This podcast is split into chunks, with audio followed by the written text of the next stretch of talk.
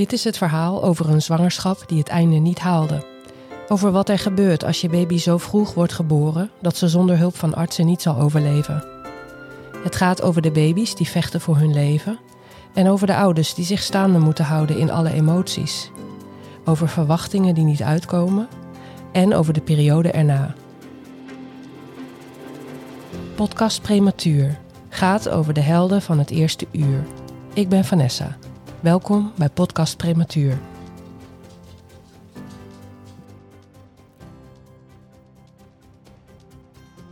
Vandaag hebben we het over een onderwerp waar je als mens altijd wel mee te maken hebt en iets wat ik ook al minstens 22 keer heb genoemd dit seizoen: verwachtingen. Door de situatie dat je zwangerschap, bevalling en kraamtijd niet verlopen volgens jouw ideaalplaatje, ontstaat er een gevoel van verlies van iets wat je wilde, maar niet kreeg. Dit is iets wat je moet zien te verwerken. We noemen dit ook wel rouwen. Levend verlies is ook wel een term die je soms voorbij hoort komen. Dat is nou precies waar je als ouders van een prematuur mee te maken kan krijgen. Maar het zijn niet alleen maar jouw eigen verwachtingen die niet uitkomen. Ook de mensen om jou heen verwachten dat jij je baby tot 40 weken zal dragen en dan een pittige bevalling zal hebben, die je snel weer vergeet omdat je rozig op je kraambed ligt te genieten van je baby die aan je borst ligt te drinken. Mensen die niet direct dicht bij je staan, zullen waarschijnlijk geen rouwproces doorlopen omdat jij te vroeg bent bevallen, maar ze zullen wel dingen invullen. Dingen waar ze geen weet van hebben of geen kennis. Of als je ze dingen vertelt, begrijpen ze het niet. Dit kan voor wrijving zorgen. Denk aan onbegrip vanuit de werkgever, familie of vrienden of gewoon de bakker om de hoek. En zolang als wij ideaalplaatjes de norm houden, zullen ook de verwachtingen niet bijgesteld worden. Hoe doe je dit dan wel, verwachtingen bijstellen? Een onderdeel daarvan is door over de realiteit te vertellen, door dingen uit de taboesfeer te halen, maar ook door informatie te geven en uitleg. Vandaag zit bij mij Fabienne Naber. Zij is deelprojectleider van PATH en zij is neurobioloog. Met Fabienne bespreek ik een paar van die verwachtingen, vooroordelen die mensen hebben, stempels die mensen zetten of ook wel stigma's genoemd.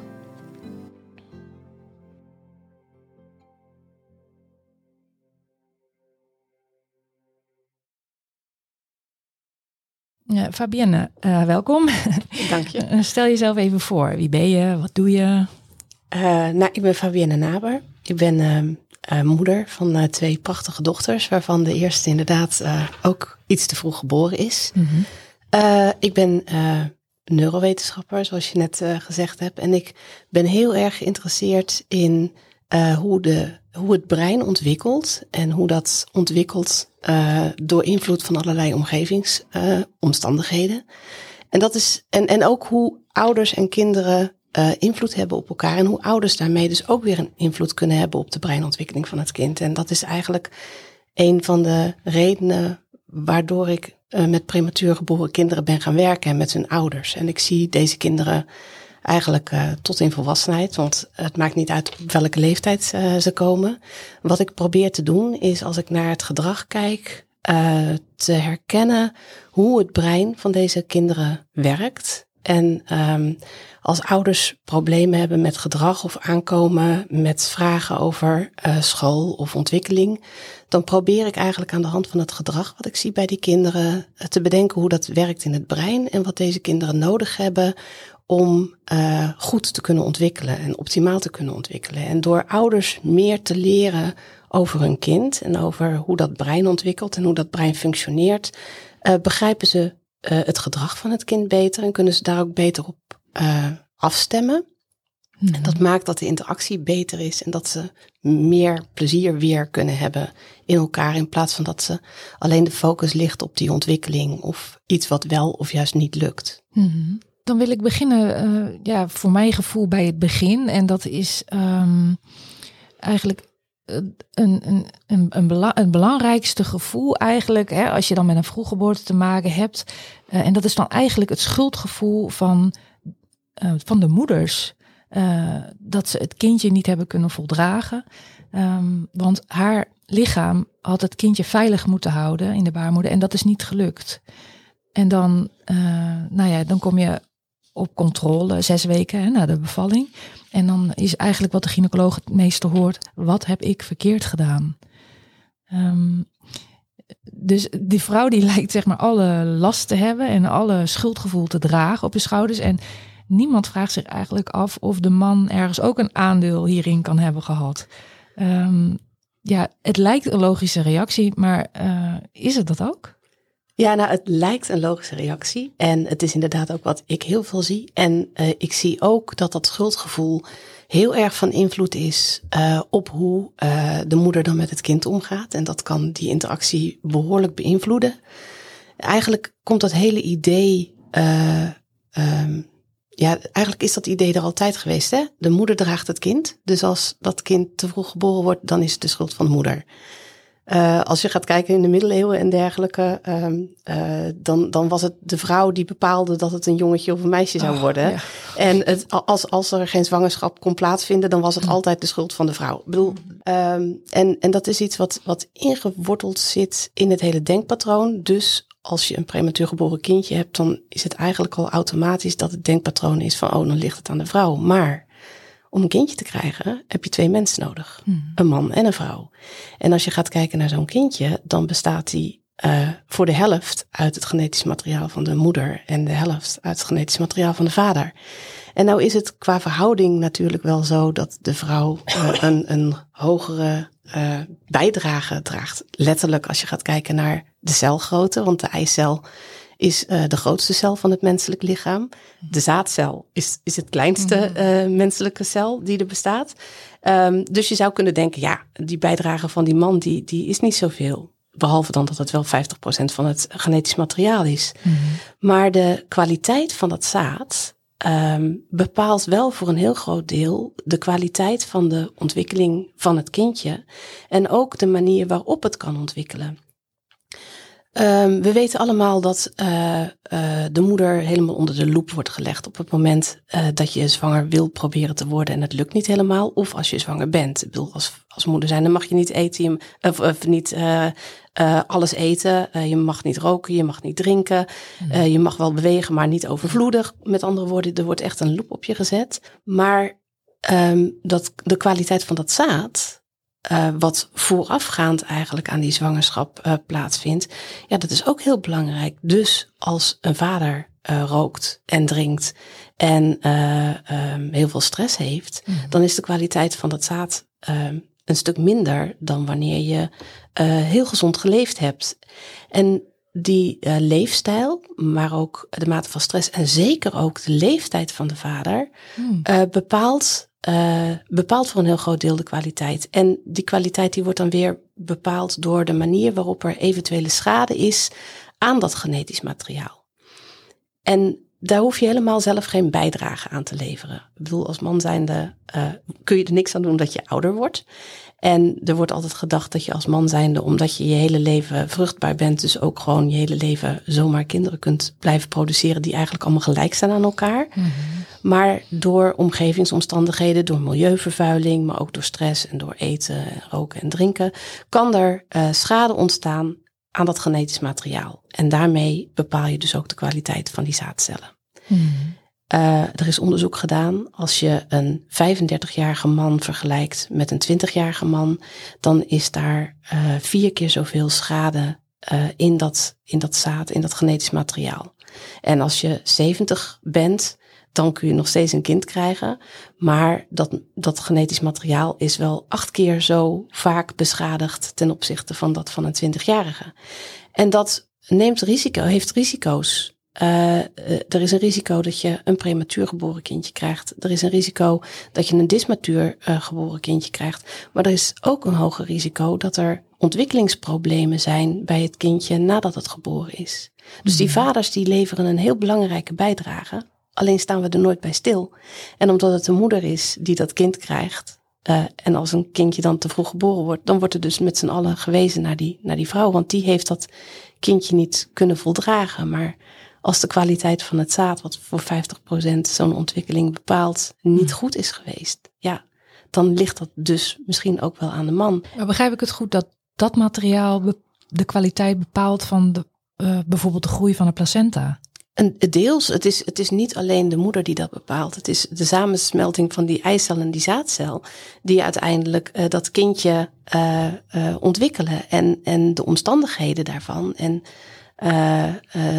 de interactie in dat materiaal en wat er uiteindelijk wordt afgelezen, bepaalt die celdelingen, bepaalt de stoffen die afgegeven worden. En die zijn voor een heel groot deel wel door de moeder wordt dat, wordt dat wel geregeld. Maar die vader die, die levert toch ook een hele belangrijke bijdrage. En we staan er eigenlijk veel te weinig bij stil. Um, dat dat zo'n bijdrage echt eigenlijk wel heel erg groot is. Dat het eigenlijk gewoon de helft is mhm. van de ontwikkeling van zo'n kindje. Ja, want om eerlijk te zijn, ging ik ervan uit dat mijn lichaam de, bepaalt hoe de placenta wordt gemaakt. En hoe de baarmoeder bedekt is met slijm. En... Nou, oh, dat, dat klopt wel in de zin van uh, het zijn de hormonen van de vrouw die uh, uh, uiteindelijk uh, zorgen dat het in stand gebleven wordt. Maar die hormonen worden voor een deel weer aangegeven vanuit, vanuit het kindje. Er, er moet een signaal gegeven worden van hé, hey, ik ben aan het ontwikkelen, ik moet in stand gehouden worden.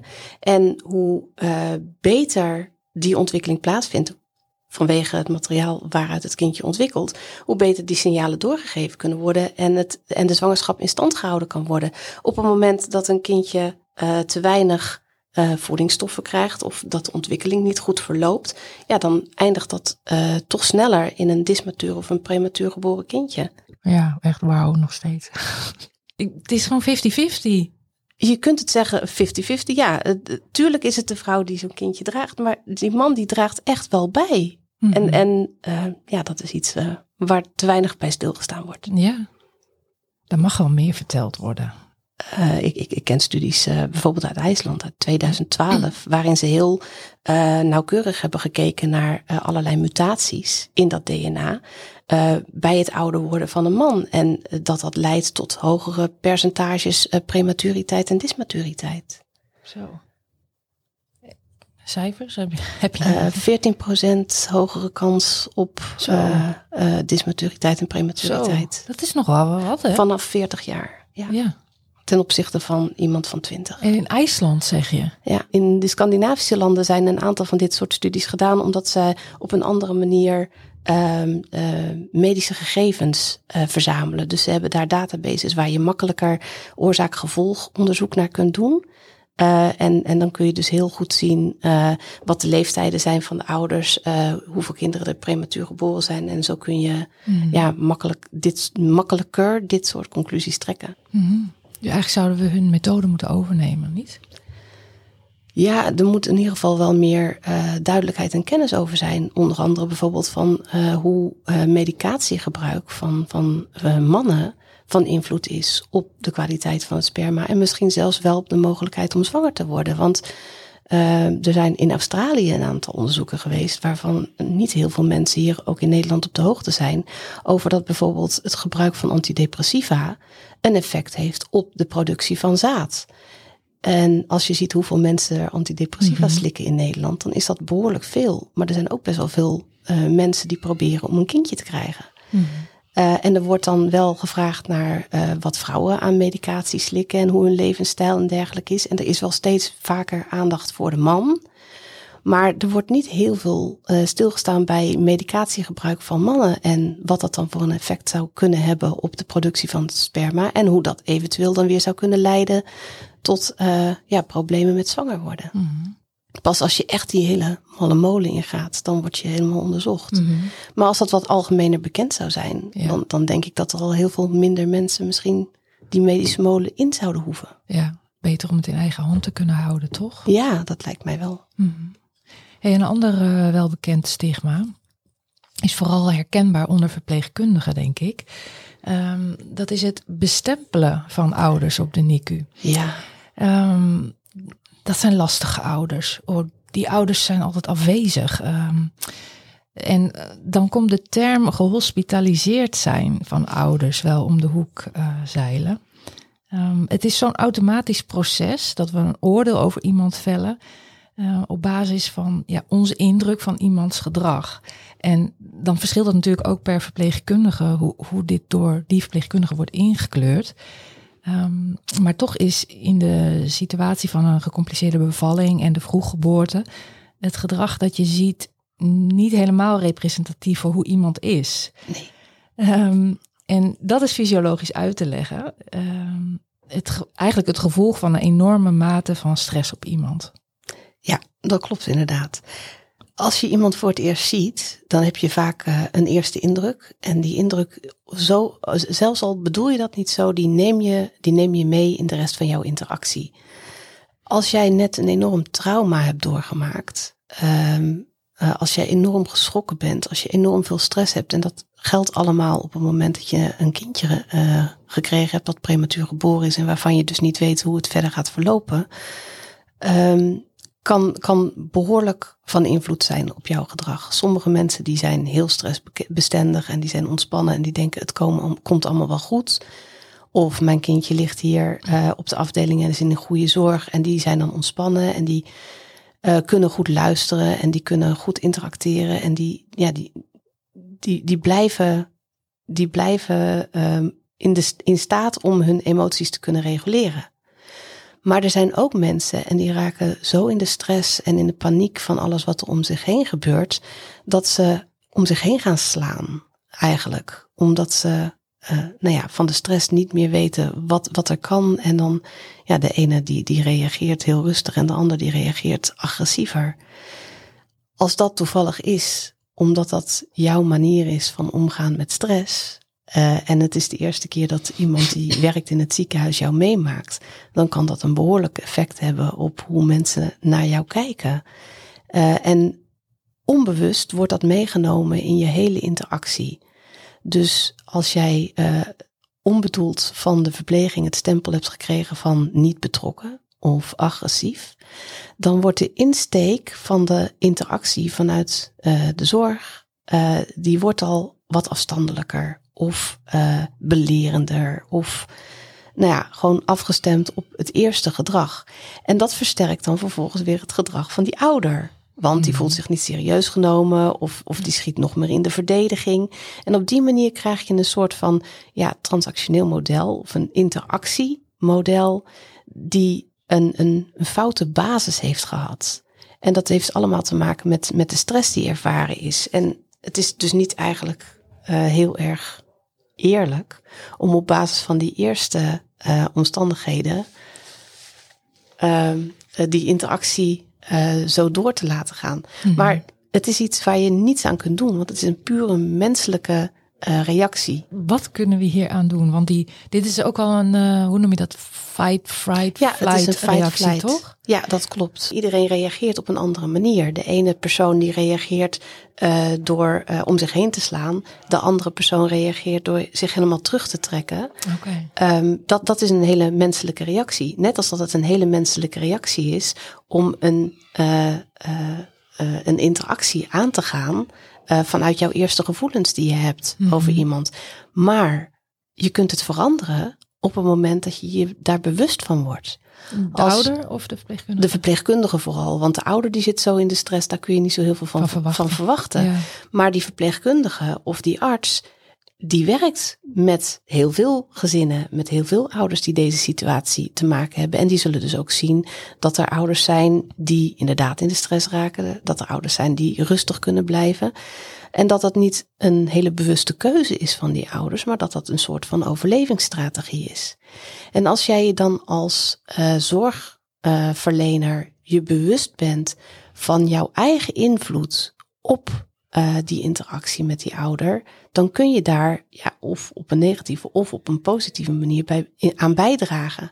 En als jij in plaats van denkt van, nou, dat is een hele onbetrokken ouder, want die komt helemaal nooit, even een stapje terug doet en denkt van, deze ouder die, die heeft hier heel veel problemen mee. Laten we even tijd nemen en even met elkaar gaan zitten en kijken hoe ik kan helpen om uh, over dit probleem te praten. Om bijvoorbeeld die rouwverwerking uh, te helpen. Om uh, de ouder gerust te stellen. Dan uh, verbeter je niet alleen jouw eigen interactie met die ouder. Maar je zorgt er gelijk voor dat die ouder ook op een andere manier met dat kindje kan omgaan. Want als je heel erg veel stress hebt als ouder zijnde, dan kun je ook helemaal niet zo goed ingaan op dat wat jouw kindje nodig heeft. Mhm. En als zorgverlener kun je daar ontzettend veel aan bijdragen. Maar je moet je daar wel van bewust zijn. En de meesten zijn zich daar niet zo heel erg van bewust. Ehm, ik denk dat als je je als zorgverlener hier alleen al bewust van bent, dat je al iets kunt veranderen. Want je kunt die ouders even afsnauwen. Zo van, ja, daar heb ik nu even geen tijd voor. Je kunt ook zeggen, ik, ik hoor je vraag, ik, ik begrijp wat je zegt. Ehm, ik moet nu heel even dit doen, maar ik kom zo bij je terug. Dat, dat zijn twee verschillende manieren. En wat je als zorgverlener echt wel moet beseffen, is dat jij in die zin ook een soort van voorbeeldrol kunt hebben. Dan kunnen ouders dat meenemen in de zorg van hun kind. En als zij niet dat kindje op dat moment uh, iets kunnen leveren waarvan ze denken dat dat nodig is, en zij benoemen dat naar een kindje, dan uh, werk je al wel uh, aan die sensitiviteit. Heel vaak praten ouders niet eens tegen kindjes in die zin, omdat ze denken van nou, ze begrijpen er toch helemaal niets van. Maar um, door gewoon te praten en, en ook dingen te zeggen, leert jouw kind jou wel beter kennen. En hoe meer stress je hebt, hoe minder vaak je dit soort gedrag laat zien. Wat uiteindelijk ook een effect heeft uh, op de ontwikkeling van je kind. Mm -hmm. Hebben we, het, we hebben het niet alleen over de couveuse periode. Hè? We hebben het niet alleen over de couveuse nee. periode, maar daar begint het natuurlijk wel. Mm -hmm. Daar begint het al. Ja, daar praten tegen je kind. En, uh, ja, mm -hmm. ook om een band op te, uh, op te bouwen. Uh, er zit natuurlijk een, een, een groot verschil in uh, het krijgen van een prematuur kindje ten opzichte van een, een voldragen kindje op, op heel veel vlakken. Um, kijk, dat brein, dat is niet af. Ook niet als je geboren wordt na 40 weken. En dat is maar goed ook. Want dat brein dat kan zich vervolgens gaan ontwikkelen. En op zo'n manier dat het eigenlijk is aangepast aan de omgeving waar je vervolgens in gaat functioneren. Maar die eerste 40 weken van de ontwikkeling van het brein zijn wel enorme stappen, want eigenlijk alles wordt in basis aangelegd. Als je dus een kindje krijgt uh, wat veel vroeger geboren wordt, dan betekent dat dus dat dat brein al veel eerder aan een heleboel andere prikkels wordt blootgesteld. En dat betekent dus dat de ontwikkeling van dat brein op een andere manier wordt beïnvloed al veel eerder in, in de ontwikkelingsperiode. En dat betekent dus dat het brein zich op een andere manier kan ontwikkelen. Maar als jij als ouder zijnde, terwijl je kindje in de couveuse ligt, uh, wel contact zoekt met jouw kind en zachtjes tegen het kindje praat en je het kindje leert kennen, dan kun jij op een hele positieve manier bijdragen aan de ontwikkeling van dat brein van het kindje. En uh, wat bijvoorbeeld daar heel goed aan uh, zou kunnen bijdragen is, is kangeroeën of buidelen. Dus met je kindje uh, ergens zitten. Mm -hmm. Niet elke ouder kan dat. Sommige ouders hebben daar veel, ervaren veel te veel stress. En dan is dat ook niet prettig. maar andere ouders die kunnen daar juist weer heel erg ontspannen van worden. En het, het hangt er maar net vanaf waar je je goed bij voelt. Dat is wel het allerbelangrijkste. Je moet je als ouder goed voelen bij dat wat je doet. Want als je het alleen maar doet omdat iemand anders zegt het is belangrijk, mm -hmm. dan ga je aan je eigen grenzen voorbij. En, en dat is nooit goed. Niet voor het kindje, niet voor jou en niet voor jullie interactie samen. Als een kindje geboren wordt, ongeacht wanneer het geboren wordt, dan is het niet in staat om uh, zelf eigen emoties te reguleren. Daar heeft hij andere mensen voor nodig. En over het algemeen zijn dat uh, de ouders. Als je prematuur geboren wordt, dan zijn er opeens heel veel verzorgers, allemaal verschillende verzorgers. Mm. Uh, maar alsnog uh, kun je niet je eigen emoties ervaren. En als jij in een couveuse ligt met een heleboel geluidjes en, en dingetjes um, die van invloed kunnen zijn op jou en op jouw uh, welzijn, dan uh, kun jij signalen afgeven van nou, dit, dit voelt niet prettig of dit is niet prettig. En als jij dat langdurig ervaart, dan ervaar je heel veel stress. Als er dan een ouder bij jou zit en bijvoorbeeld jouw voetje vasthoudt, dan kun je als ouder zijnde aan het kind aangeven van hé, hey, uh, het is misschien niet fijn, maar ik ben er voor je. En op die manier kun je het kindje weer tot rust brengen. Hmm. Veel uh, makkelijker gaat dat nog door je kindje tegen je aan te houden, zodat het kindje jouw hartslag voelt en jouw spierspanning voelt. En dan merkt van hé, hey, het is oké, okay, het is rustig en dan wordt het kindje ook vanzelf weer rustig. Hmm. Um, wat we tegenwoordig proberen, en dat is ook wat we met het PAD-project proberen te bewerkstelligen, is duidelijk maken aan professionals hoe belangrijk het is dat ouders de mogelijkheid hebben om dit soort interacties met hun kind te kunnen hebben. Niet alleen uh, om de band op te bouwen, waar we het heel vaak over hebben, maar juist ook vanwege die emotieregulatie. Mm -hmm. Maar als ouders dat niet kunnen, om welke reden dan ook, is het ook helemaal niet raar als een verpleegkundige of iemand anders dit doet. Het blijkt ook dat kinderen heel veel beter ontwikkelen hè, op het moment dat ze huid op huid uh, contact hebben. In plaats van de hele tijd in de couveuse liggen. Het probleem is een beetje dat we bij prematuur geboren kinderen heel vaak denken van nou, alles moet gemonitord worden, alles moet gecontroleerd worden. Uh, en het is het veiligst op het moment dat zo'n kindje in zo'n bedje ligt en je het overzicht hebt. Mm-hmm. Maar voor het kindje is het het meest belangrijk om te voelen dat er iemand is uh, die voor ze zorgt. Dus het, het bijdragen en het bijenhouden van het kindje zorgt voor een veel betere ontwikkeling uiteindelijk. Mm-hmm. Ook al is het soms wat lastig om te organiseren, omdat het dan druk is op de afdeling. Hmm. Maar dat mag, dat mag geen reden zijn om dat buidelen tegen te houden. Er zijn er ook nog andere aspecten die zouden kunnen bijdragen aan zo'n um, betere ontwikkeling uh, van een kindje, die momenteel niet overal gerealiseerd kunnen worden. Maar in een ideale wereld, hoe zou jij een uh, NICU indelen? Hoe, in de ideale wereld. Ja, um, in een ideale wereld heb je natuurlijk uh, het hele gezin. Uh, en niet alleen uh, één van de twee ouders. En in sommige gevallen is een prematuur geboren kindje niet het eerste kindje, maar eentje verderop in de rij, in de kinderrij. Mm -hmm. En dan zijn er ook nog kinderen bij.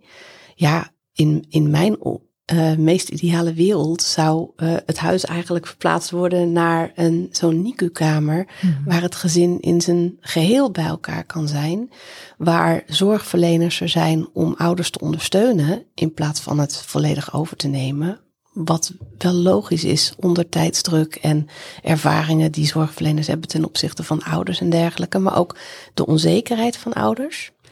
Maar uh, wat we geleerd hebben, is dat als je als zorgverlener naast de ouder staat en zegt van je vindt dit misschien nu eng, maar ik ga jou hierbij helpen en jij kunt het.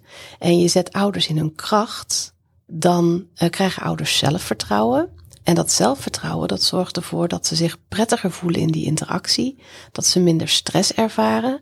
En dat zorgt ervoor dat dat kindje beter kan ontwikkelen. Ik denk dat in mijn ideale wereld zou er in ieder geval niet dit soort stress zijn door onvermogen en, en gebrek aan kennis. De stress is eigenlijk de grootste boosdoener als ik jou zo hoor. Ja, wel dit soort stress. Kijk, stress heeft een heel negatief stempel uh, in onze maatschappij, omdat je eigenlijk altijd alleen maar de negatieve verhalen over stress hoort.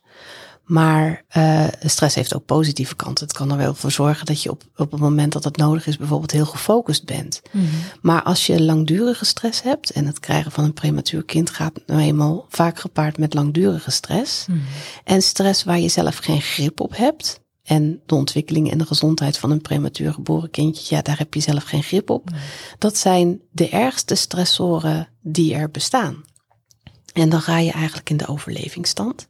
En op het moment dat je in de overlevingsstand zit als ouder zijnde, dan um, kun je niet meer heel sensitief reageren. Dan sta je niet meer open voor de signalen van, van anderen, omdat je echt alleen maar bezig bent met overleven. Maar juist bij prematuur geboren kindjes is het zo belangrijk om in te gaan op de signalen van het kind, zodat je daar zo goed mogelijk op kunt uh, inspelen. Uh, en wat we heel vaak zien is dat zo, wanneer zo'n kindje dan naar huis gaat, uh, dat die ouders nog steeds in die stressmodus staan, mm. waardoor ze gewoon thuis niet goed en uh, adequaat kunnen reageren op dat wat hun kindje nodig heeft. Dus ze blijven doorgaan bijvoorbeeld in het ritme van het ziekenhuis, uh, compleet voorbijgaand aan de signalen van het kind, omdat ze die niet goed waarnemen. Maar zoals ik net al gezegd had, uh, kinderen kunnen zelf hun emoties niet reguleren. Die hebben daar een ander voor nodig. Die hebben daar hun ouders voor nodig. Maar als ouders continu stress hebben, dan kunnen ze de stress bij het kindje niet weghalen. En dat kindje dat merkt dat er stress is, dus die reageert uh, op stress, gestrest. En dan wordt het een soort van negatieve uh, wisselwerking. Dus dan kun je bijvoorbeeld huilbaby's krijgen, mhm. die continu huilen. En dan, ja, dan ouders van prematuur geboren kinderen helemaal, maar eigenlijk alle ouders, die schieten dan in de stress van, is er wat aan de hand met mijn kindje? En die gaan weer naar het ziekenhuis van, de, uh, hij of zij huilt de hele tijd. En ik, ik, ik heb alles gedaan, ik heb eten gegeven, ik heb drinken gegeven. Wat, wat is er dan aan de hand? Nou, dan worden er weer allerlei onderzoeken gedaan. Daar krijgt iedereen weer stress over. Kindje krijgt ook weer stress. En eigenlijk heeft het dan vooral te maken met het feit dat die ouders niet de tijd hebben gehad en niet de omstandigheden hebben gehad en niet de ondersteuning hebben gehad om uh, tot rust te komen na die enorme stressor die ze hebben ervaren. En ik denk dat als wij uh, uh, die kennis kunnen geven, vooral aan zorgverleners, dat het heel belangrijk is dat ouders rust hebben en dat ze vertrouwen hebben in eigen kunnen. Uh, dat, dat als, als dat de basis is waarmee je ouders uh, naar huis stuurt met hun, met hun kindje, dat het voor een heel, heel groot deel wel goed kan komen. Maar het feit dat iedereen eigenlijk nog steeds in de stress en de overlevingsstand staat, maakt dat er toch heel vaak nog langdurig problemen zijn. Mm, dus als ik jou zo hoor, dan, uh, dan zou ik denken dat jij een voorstander bent van één en twee persoonskamers, uh, zo'n indeling op een NICU, um, ehm, verlengt een langer verlengd verlof vanuit het UWV en uh, hetzelfde geldt voor kraamzorg. ja, en dan niet één of twee persoonskamer, maar gewoon echt een hele familiekamer. Het allerliefst. ja, Als dat gerealiseerd kan, kan, waar iedereen kan komen. Ja, mm -hmm. want ook broertjes en zusjes, die zijn heel belangrijk ook mm -hmm. voor zo'n kindje als die er zijn. Mm -hmm. Ja. ja, en langer verlof is zeker ook noodzakelijk. Want uh, als je dan thuis bent, ja, dan is je verlofperiode vaak al helemaal over. Maar dan ja. kom je thuis en dan begint pas de hectiek. Mm -hmm. En dan heb je ook nog tijd nodig om daarop aan te passen. En er zijn een tal van ouders die net een prematuur geboren kindje hebben die thuis komt, waarvan ze niet denken, nou die ga ik dan gelijk uh, naar, een, naar een dagopvang mm -hmm. brengen. Hoe ga je dat dan regelen uh, met je werkgever? Werkgevers kunnen hier ook een heel belangrijke rol in spelen. Mm -hmm. Dat is ook uh, een doelgroep waar we ons op richten in dat mm -hmm. padproject. Uh, nou, uh, de volgende. Dit is wat, wat, wat, wat, wat mensen ook vaak horen. Je kindje is nu thuis, dan is alles goed, toch? Uh, deze is ook tweeledig. Het gaat zowel over de ouders als het kind. Um, het is per definitie niet zo dat we bij thuiskomst de hele vroeggeboorte kunnen vergeten en net doen alsof het kindje vanaf nu normaal is en zich normaal zal gaan ontwikkelen. Maar uh, ook van de ouders kan je natuurlijk niet verwachten dat nou nu is alles achter de rug, uh, we pakken het leven weer op en we doen alsof er niks is gebeurd, maar we hebben een kindje. Um, ja, een vroeggeboorte kan een enorme impact hebben op het welzijn van ouders. En ik denk dat het kan variëren tussen nou, flink vermoeid zijn van die periode, veel moeten rusten, dingen op een rijtje zetten. Maar ook uh, het kan een hele andere kant op slaan, uh, tot een flinke PTSS krijgen die een ouder eigenlijk compleet lam kan leggen. En die dus de ontwikkeling van het kind in de weg staat. Ja, ja dat, dat klopt. Um, er wordt inderdaad heel vaak gezegd van nou, uh, kindje is op, op gewicht. het is helemaal oké, okay, je kunt naar huis. Veel plezier ermee. Mm. Maar ouders die staan vaak op dat moment nog, nog torenhoog in hun stress. En uh, tot dan toe hebben uh, die kindjes altijd aan allerlei monitors gelegen. Is de verzorging voor een heel groot deel gedaan door andere mensen. En opeens krijg je je kindje mee en er is geen piepje meer die aangeeft uh, hoe de hartslag gaat en dat de ademhaling nog steeds op peil blijft. En er is ook niemand die die zorg doet. Dus je, je staat er ineens voor jouw gevoel dan alleen voor. En dat is doodeng. Um, en dat is op het moment uh, dat een kind inderdaad naar huis gaat. Maar daarvoor zit daar natuurlijk ook al een heleboel aan, aan opbouw van stress. En er is, wel, er is nog wel aandacht voor, voor moeders. Uh, er is veel te weinig aandacht voor vaders. En ik denk niet dat je moet onderschatten wat het stressniveau van de vaders is. Uh, en die kunnen elkaar versterken die stress uh, van, die, van die moeder en de stress van de vader. Zeker mm. als, als beide ook nog een soort van andere copingstrategie hebben, een andere manier hebben van omgaan daarmee. Uh, wat je heel vaak ziet is dat vaders het gevoel hebben dat zij alles moeten gaan dragen. Dat zij uh, verantwoordelijk zijn dat het allemaal verder goed verloopt. Want ja, die moeder die heeft net in het ziekenhuis gelegen en, en uh, daar, daar is van alles mee en dat, die wil je ontzien. Maar ja, je kindje, uh, daarvan wil je ook dat het allemaal zo goed mogelijk gaat. Die vaders die blokkeren heel vaak hun emoties. Tuurlijk hebben die ook verdriet, tuurlijk hebben die ook rouw, tuurlijk zitten die ook in spanning van wat er allemaal gaat gebeuren. Maar vaak hebben vaders dan uh, het idee van, nou, daar is nu even niet de tijd of de ruimte voor. Ik ga nu zorgen voor mijn kind ik, mhm. en, en voor mijn vrouw en, en, en alles moet goed gaan verlopen. Mm Dat betekent dat die emoties er wel zijn, maar dat daar eigenlijk geen ruimte voor is, waardoor uh, die vaders maar, maar door blijven gaan en door blijven gaan. Totdat op een gegeven moment die emoties er wel helemaal uit kunnen komen. Of dat ze zelf uh, vastlopen. En dan kun je bijvoorbeeld een posttraumatische stressstoornis krijgen. Hmm. Bij die moeders uh, speelt rouw daar een heel belangrijke rol in. En dat is echt niet weg op het moment dat je naar huis gaat. Het is niet zo dat omdat je naar huis gaat dat die prematuriteit opeens over is. Dus ook dat blijft meespelen in die interactie. En tuurlijk ben je ontzettend blij op het moment dat je kind thuis komt. Mhm. en, en ben je helemaal gelukkig. Maar tegelijkertijd is het ook uh, redelijk eng. Want uh, bij, bij dat ziekenhuis is alles gecontroleerd geweest. En nu denkt de hele buitenwereld van, oh, maar jullie zijn thuis. Dus kraamvisite en iedereen kan langskomen en iedereen wil jouw kind vasthouden. Mhm. Terwijl je komt net uit een omgeving waarbij je eigenlijk pas de afdeling op kan nadat je zo goed als uh, gesteriliseerd bent. En dan komt, dan, komt, dan komt er een oom en die komt net met de trein en die komt binnen en die wil jouw kind vastpakken. Nee. Dan krijgt de kriebels al. Nou, je wil ze het liefst onder een alcoholdouche zetten. Zeg mhm. nou zelf. En je kunt het de buitenwereld niet kwalijk nemen dat zij dan eindelijk dat kindje willen zien na zo lang wachten. Mhm. Maar tegelijkertijd als ouder zijnde heb je zoiets van laat mij in mijn, in mijn kokonnetje zitten. Daar kun je je dan ook weer schuldig over gaan voelen. Mhm. En de buitenwereld zegt dan van ja, maar waar hebben we het nou over? Want het is toch oké, je bent nou toch thuis? Ja. En dat, dat, dat dubbelt allemaal. En, en als je dan ook nog het gevoel hebt van nou, het loopt niet helemaal lekker. En jij probeert dat een keer te zeggen. En mensen zeggen van, ja, maar nu, kijk, dat, dat is allemaal geweest. Nu gaat het allemaal, nu moet je gewoon gaan genieten. Ja, dan, dan, dan, dan durf je al niet eens meer iets te zeggen. Waardoor dat gevoel bij jou gaat opkroppen. Wat het eigenlijk alleen maar erger maakt. Wat de stress alleen maar hoger uh, uh, maakt. Wat zorgt dat jij nog meer gaat twijfelen aan jezelf. Van de hele wereld zegt dat jij maar moet gaan genieten. Waarom kun je dan niet genieten? Nou, je kunt niet genieten omdat je nog zo in de stress zit en met al die emoties en gevoelens zit. Ja. En de wereld om jou heen dat eigenlijk blijkbaar niet begrijpt.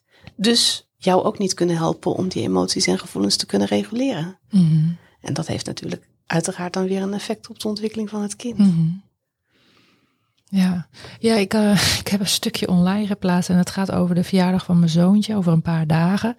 En ik merkte heel erg aan mezelf, ik was zo trots, want ik had het had verwerkt en uh, ja, vol in de therapie geweest. En dan toch rond die verjaardag, zo weken tevoren al.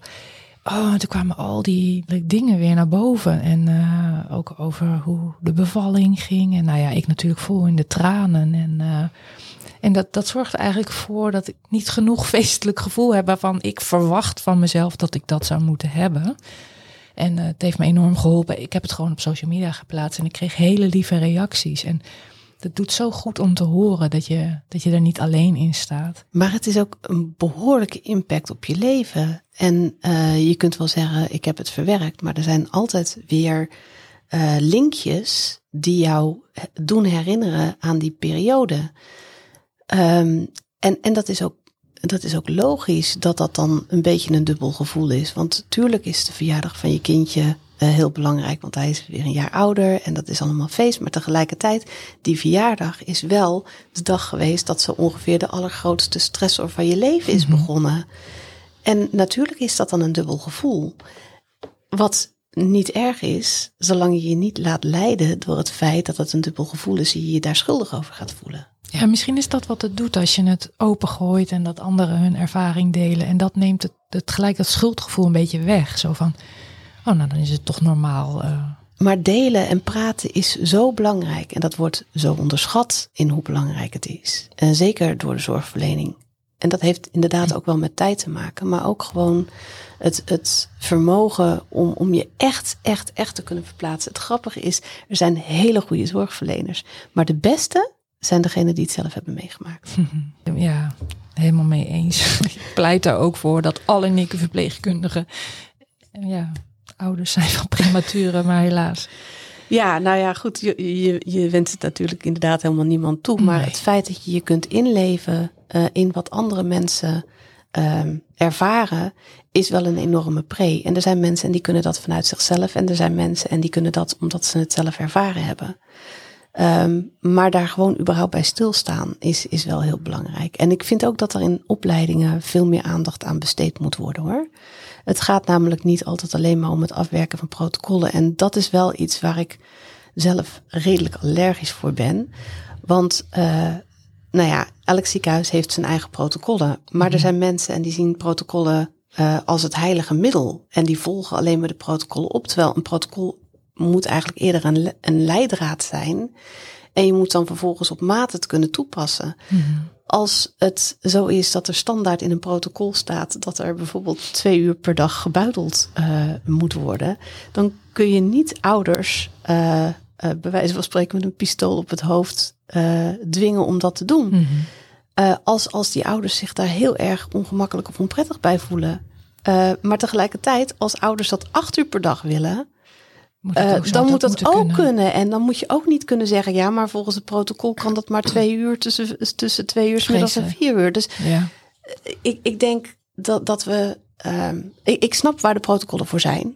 Maar ik denk dat we daardoor soms de menselijke maat een beetje aan het kwijtraken zijn. En ik denk dat die menselijke maat zeker in dit soort omstandigheden echt uh, van essentieel belang is. Hmm. Naast de psychische impact die zo zijn sporen kan nalaten, denk ik dat er ook een ander soort proces eh, gaande is tegelijkertijd. En dat is dan een rouwproces.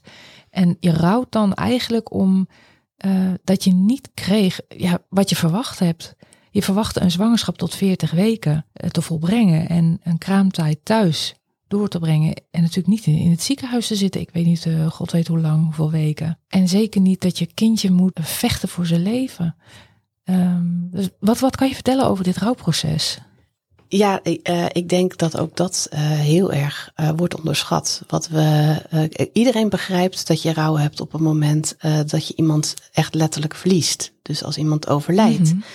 Maar um, als je te maken hebt met bijvoorbeeld een premature geboorte, dan kun je het ook hebben over, over levend verlies. Want je moet inderdaad een deel van je, van je dromen, van je wensen, van je denkbeelden, daar moet je afscheid van nemen. Um, en uh, die rouw, daar, daar is eigenlijk heel weinig ruimte voor. Uh, en, en levert wel ontzettend veel stress op. Uh, en die rouw en schuldgevoel, dat is eigenlijk dat is heel erg gekoppeld aan elkaar. Mm -hmm. Maar, maar je, kunt, je kunt rouw hebben om, om hele rare dingen. En, en vaak durven uh, ouders helemaal niet aan te geven wat ze dan precies zo erg missen. Maar als ouders wel eerlijk zijn, dan kun je, dan kun je dingen horen waar je als bijvoorbeeld zorgverlener helemaal nooit bij stil hebt gestaan. Zoals dat een moeder kan zeggen van ja, maar weet je, uh, het was niet alleen zo dat mijn kindje prematuur geboren was en dat ik op een gegeven moment uh, in het ziekenhuis zat. Maar ik, ik had een zwangerschapsclubje. En we waren daar met een aantal uh, vrouwen, allemaal in uh, dezelfde uh, fase van, van de zwangerschap. Mm -hmm. En we hadden hele, een hele fijne klik. en en um, opeens viel dat weg. Want ja. ik zat op, ik zat in het ziekenhuis. Ja. En zij gingen door en zij kregen allemaal rond dezelfde tijd een kindje. Mm -hmm. En ik, ik voelde me een buitenstaander en ik hoorde niet meer bij de groep. Ja, Dan is herkenbaar. Het, ja? ja. Ja, maar. Zo is het. Maar hoeveel moeders praten daar eigenlijk echt over? Behalve met andere moeders die hetzelfde hebben ervaren. Ja, niet, want het staat in schril contrast met wat je kind, wat je net hebt meegemaakt. Precies, maar het is wel een heel belangrijk uh, onderdeel geweest van die hele periode van zwangerschap. Ja. En ook van de denkbeelden en de idealen die je erbij had. En we hebben het heel vaak uh, over de roze wolk waar je in zit uh, uh, tijdens je zwangerschap en na de geboorte van je kindje. En inderdaad, wat je zegt, lekker rozig in, in, in, in je kraambed met je baby. Dat is natuurlijk wel het beeld wat we vaak hebben. Maar nou ja, er zijn sowieso een heleboel redenen dat die wolk niet zo roze is. Maar ik denk dat je best wel kunt zeggen dat die redelijk naar het zwart gaat op het moment dat je naar een prematuur kindje uh, aan het kijken bent. Wat, wat eigenlijk nog maanden in jouw buik had moeten zitten. Waar allerlei toeters en bellen aan moeten en waar van alles mee gebeuren moet. En dan staat het overleven van je kind natuurlijk uh, op de aller, aller, allereerste plaats. Mm. En dan ga je niet stilstaan bij het feit dat je nu ook een groepje net nieuw geleerde vriendinnen kwijt bent geraakt. Mm. Maar het vormt daar wel een onderdeel van. En al die aspecten, het feit dat je opeens in het ziekenhuis zit in plaats van thuis, het feit dat je weliswaar misschien nu beschuit met muisjes eet, maar niet op de manier zoals je het zelf had gewild. Uh, het hele ideaal dat jij kleertjes had gekocht voor jouw kindje, waarvan je denkt, nou, dat zijn de eerste kleertjes die hij of zij gaat dragen. Nou, dat is het eerste half jaar nog niet aan bod. Mm. Al dat soort kleine dingetjes, die stapelen op en die, mm. die uh, dragen bij aan, aan toch dat gevoel van verlies. Mm. Waar je je schuldig over voelt, omdat je kindje er nog steeds is. Dus waar heb je recht op? Je mag niet klagen. Maar dat, dat mag wel, want het is wel. Uh, het zijn allemaal gevoelens die wel een rol hebben gespeeld. Waar je wel uh, de mogelijkheid voor moet hebben om daarover te kunnen praten. Want zoals je net al zei, op het moment dat je daarover praat, kun je het delen.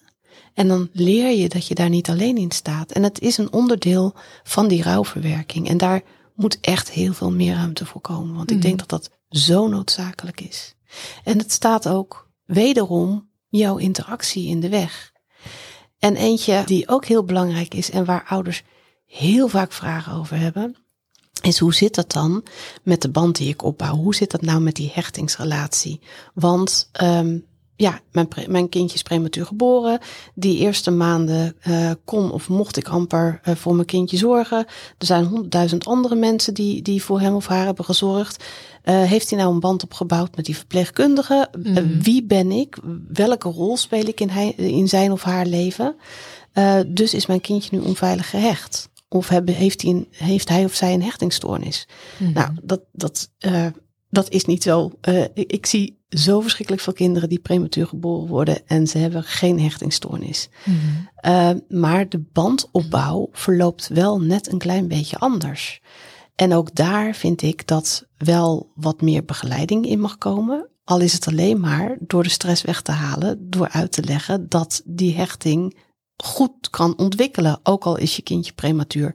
Door bijvoorbeeld af en toe naast dat uh, eh, naast die couveuse te zitten en een handje of een voetje vast te houden. Door betrokken te zijn met die, uh, bij, bij die verzorging. Als jij op een sensitieve manier omgaat met jouw kind en er op een regelmatige basis bent, dan kun jij een hele goede uh, relatie opbouwen. En dat is niet alleen die eerste paar weken waarin die band opgebouwd wordt. Maar het is wel zo dat als jij torenhoog in je stress zit, en jij niet sensitief kunt reageren op je kind omdat je nog steeds in rouw en dergelijke zit, dat dat wel de kwaliteit van die interactie kan beïnvloeden. En daarom is het zo belangrijk dat mensen hiervan op de hoogte zijn en vooral ook zorgverleners hiervan op de hoogte zijn, zodat zij kunnen helpen om die start van dat nieuwe gezin, van die ouder-kindrelatie zo goed mogelijk te laten plaatsvinden, zodat ouders niet hoeven te twijfelen aan hun eigen kunnen en ouders ook niet hoeven twijfelen aan de kwaliteit van die relatie. Mhm. Want die kwaliteit van die relatie bepaalt vervolgens de ontwikkeling van het kind in een heel, heel, een heel sterke mate. Eigenlijk is de ouder net zo belangrijk als het kind ouder en kind, zeker in die eerste jaar, is een twee-eenheid. Die mhm. kun je niet loskoppelen van elkaar. Op alle fronten. Qua ontwikkeling, qua emotieregulatie, qua breinontwikkeling ook vooral. Mhm. Ehm, je kunt ze niet loskoppelen. Daarom is het heel erg belangrijk om familiekamers te hebben. Mhm. En niet de moeder op de ene afdeling te hebben liggen en het kindje op de andere afdeling. Wat ik ook heel, uh, wat ik helaas ook nog wel meemaak, is dat uh, een moeder bijvoorbeeld bevalt van een tweeling. En dat de ene wat sterker is dan de ander. En dat ze in twee verschillende ziekenhuizen worden ondergebracht. Dat je denkt bij jezelf, hoe dan? Hoe, hoe gaan ouders zorgen voor zo'n kindje in die eerste periode als er kilometers afstand zit tussen, tussen de kinderen of tussen ouder en kind? Maar dat is dan vast protocol en, en, Mm. en verzekeringstechnisch. Of ja, ik heb geen idee wat hier nu eigenlijk aan gedachten achter zitten. Ik vraag me soms zelfs af of er over nagedacht wordt. Mhm. Laten we wel wezen, het is uiteindelijk, die gezinnen vormen de maatschappij. Dus als je in het begin van zo'n opstart van een gezin al heel veel eh, problemen opwerpt, ja, dan, dan neemt dat in de loop van de, van, van de ontwikkeling mee. Maar dat levert dus ook problemen later in de maatschappij. Mhm. Ik, ik, ik, ik denk dat daar gewoon veel meer en bewust over nagedacht moet worden. Mhm. Tot slot. Wat zou je ouders van prematuren willen meegeven? Je kindje is goed zoals het is. En hoe zwaar het misschien ook is dat je een prematuur geboren kindje hebt, je hebt het als ouders op de allerbeste manier gedaan die in die omstandigheden mogelijk zijn. Ik denk dat als je eh, lief bent voor jezelf en ehm, niet schuld gaat zoeken naar waarom iets is geweest, maar probeert te accepteren en van elkaar eh, probeert te genieten en ook het kindje accepteert eh, zoals het kindje is, dat je samen een fantastisch gezin kunt hebben. Dankjewel. Dit gesprek met Fabienne was voor mij een eye-opener op meerdere punten. Hoe de interactie met verpleegkundigen volledig wordt bepaald door de manier waarop jij reageert onder de stress van de vroeggeboorte. Dat de man voor de helft verantwoordelijk kan zijn voor een vroeggeboorte. Maar zelfs de invloed van medicatiegebruik door de man op zijn zaadcellen. En vooral de maatschappelijke onwetendheid hierover. Ik herkende ook veel in het rouwproces. Het levende verlies van zaken die op de NICU onbelangrijk waren, maar na zoveel tijd als een gemis aanvoelen. Op een gegeven moment vroeg ik aan Fabienne hoe zij de NICU zou willen zien in een ideale wereld. Het was mezelf ook even ontschoten dat er in een ideale wereld natuurlijk geen NICU nodig zou zijn, omdat alle kindjes dan voldragen en gezond geboren zouden worden. Ik bedoelde een ideale NICU. Allemaal familiekamers zou ideaal zijn, zegt ze. Na de vroeggeboorte van Vince ging ik er automatisch van uit dat de oorzaak ervan voor 100% bij mij ligt. Gewoon omdat ik vrouw ben en hij in mijn baarmoeder groeide en ik voor de zwangerschap moest zorgen. Nou ben ik zelf geen goed voorbeeld vanwege mijn baarmoederoperatie, maar zelfs in mijn geval kan het goed zijn dat het helemaal niet voor 100% bij mij lag. Nou blijkt dat in de zaadcel van de man stoffen zitten die mede bepalen hoe goed de placenta zal groeien en hoe goed de omstandigheden in de baarmoeder zullen zijn. Mijn partner rookte, sportte weinig en is boven de 40, dus zijn zaad was op het gebied van die ontwikkeling misschien niet optimaal. Als ik op die manier probeer de schuld te delen met hem, zie ik ineens in dat dat zinloos is, want ik wil hem geen rotgevoel geven. Maar waarom deed ik dat mezelf dan wel aan? De realisatie dat wij samen ook de kwaliteit van de zwangerschap bepalen, geeft een gevoel van connectie met hem in positieve zin. Wat hebben wij toch een mooi lief kindje samen, ook los van het feit dat hij te vroeg is geboren. Vince is gewoon een geweldig lief mannetje waar we enorm trots op zijn en waar we, vooral nadat ik het nodige verwerkt had en rouwproces had doorlopen, van kunnen genieten. Podcast Prematuur over de helden van het eerste uur. Gemaakt door mij, mama van zo'n held.